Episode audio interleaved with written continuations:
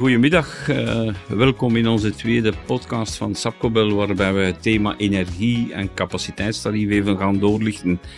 Mijn naam is Herwig en ik ben bij Sapcobel werkzaam als technisch adviseur. En recht over mij zit Arne. Dag Herwig, bedankt. Uh, ik ben Arne, electrical engineer bij uh, de firma Sapcobel. Ik sta in voor het elektrisch ontwerp en berekenen van verschillende koelinstallaties. Zeg Arne, vraag je het capaciteitstarief. Wat is dan nu juist? Wel, het capaciteitstarief, daar is de laatste tijd al heel veel rond te doen geweest. Maar uiteindelijk is het capaciteitstarief een deel van de nettarieven die een onderdeel zijn van onze energiefactuur. Onze energiefactuur kunnen we opsplitsen eigenlijk in drie grote delen. De energiekost, de nettarieven en dan ja, de btw en nog enkele heffingen. Het capaciteitstarief is dus één deel van de nettarieven, waarin de mensen zullen belast worden op hun piekvermogen binnen een kwartier. Welke factoren spelen een rol in het bepalen van het capaciteitstarief?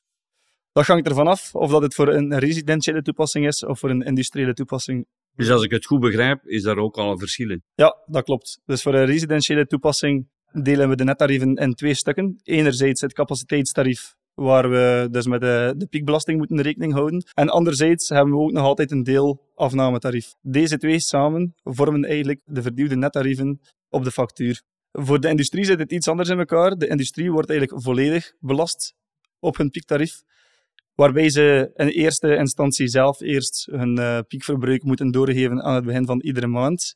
Dat is een eerste luik van hun kosten. En een tweede luik van hun kosten is eigenlijk hun piekverbruik die ze effectief verbruiken.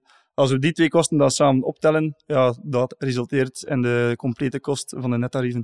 Dus als ik het goed begrijp, is het doorgeven van die piekvermogens wel heel belangrijk. Dat is van zeer cruciaal belang als men uh, niet nog meer geld wil betalen voor uh, de AURITS. Stel, stel dat het piekvermogen hoger ligt uh, als dat we doorgegeven hebben, wordt dat gesanctioneerd? Of? Ja, dat zal wel voor, voor wat problemen zorgen natuurlijk.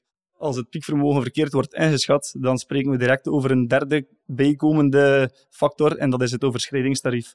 Het overschrijdingstarief wordt voor 12 maanden meegedragen en zorgt ervoor dat de nettarieven dus uh, zeker twee tot drie keer zo duur uh, kunnen zijn. Arne, hoe kan een bedrijf als Sapcobel helpen om die piekbelasting te reduceren? Wel, dit kunnen we doen uh, aan de hand van een drietal stappen. De eerste stap daarin, en een belangrijke stap voor mij ook, is het informeren en het sensibiliseren van onze klanten. Dit wil zeggen dat we de klanten steeds moeten bewust maken van de schommelende energieprijzen, die daar ook een, impact, allee, die daar ook een deel van uitmaakt, welke impact dit heeft. En wat bedoel je met sensibiliseren? Is dat ingrijpen in het productieproces van de klant in functie van onze koelinstallatie? Ja, inderdaad, dat klopt. Dat is een mooie omschrijving. Maar een andere omschrijving is misschien ook het, uh, het sluiten van de deuren. Het bewust maken van de gebruikers ook van de koelinstallatie, om, om zuinig om te gaan met energie. Ja, inderdaad, klopt. Die gegevens, hoe, worden die feitelijk verzameld? Is dat aan de hand van een theoretische berekening of worden er ook real-time metingen gaan uitgevoerd? Ja, deze gegevens zullen we verzamelen aan de hand van een aantal meetcampagnes. Deze meetcampagnes kunnen we opsplitsen in tijdelijke meetcampagnes en vaste meetcampagnes. De vaste meetcampagnes zijn de energiemeters zoals we ze kennen, die we plaatsen in uh, onze elektrische borden. En de tijdelijke meetcampagnes zijn dan de campagnes die we voeren met een tijdelijk meettoestel om zo de, ja, de, de, de veel verbruikers in de installatie te identificeren en te, en te monitoren. Die gegevens, worden die beheerd uh, via een, een, platform? Of hoe kan de klant zich daar bewust van naar kijken of, of op ingrijpen?